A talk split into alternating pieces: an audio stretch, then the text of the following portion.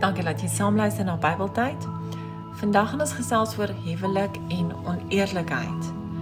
Matteus 19 vers 4 tot 6.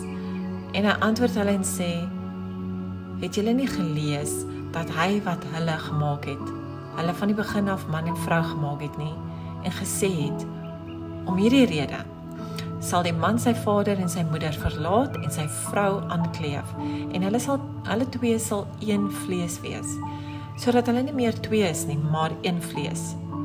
Wat God dan saamgevoeg het, mag geen mens skei nie. Geen mens skei nie. Gister het ek gesels saam met 'n paar vroue en ehm um, ons het gepraat oor hoe getroudes en enkellopendes huwelike opbreek. En veral in die werksplek gebeur die tipe sonde. Ek meen nie net in die werksplek nie, maar ons het nou meer gefokus op die werksplek. Dit is 'n groot probleem in die wêreld.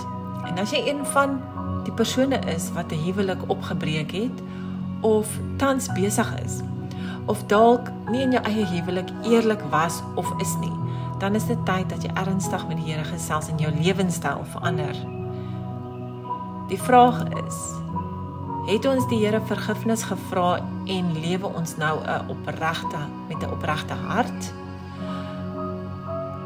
Baie van ons het dit dalk in ons verlede gedoen en dan wonder ons hoekom is die lewe so moeilik?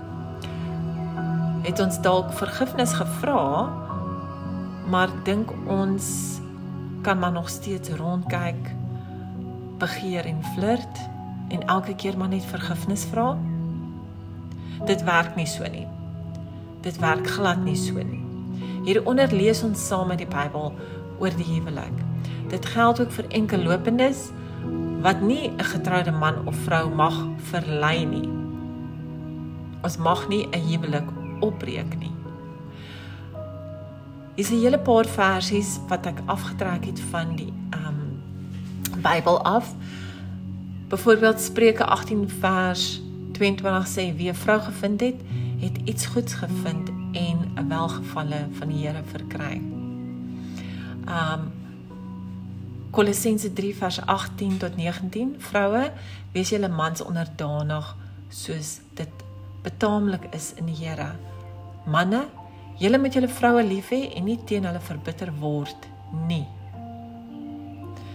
Daar is nog baie ander versies. As jy gaan op bybeltyd.wordpress.com, kan jy al hierdie versies gaan lees.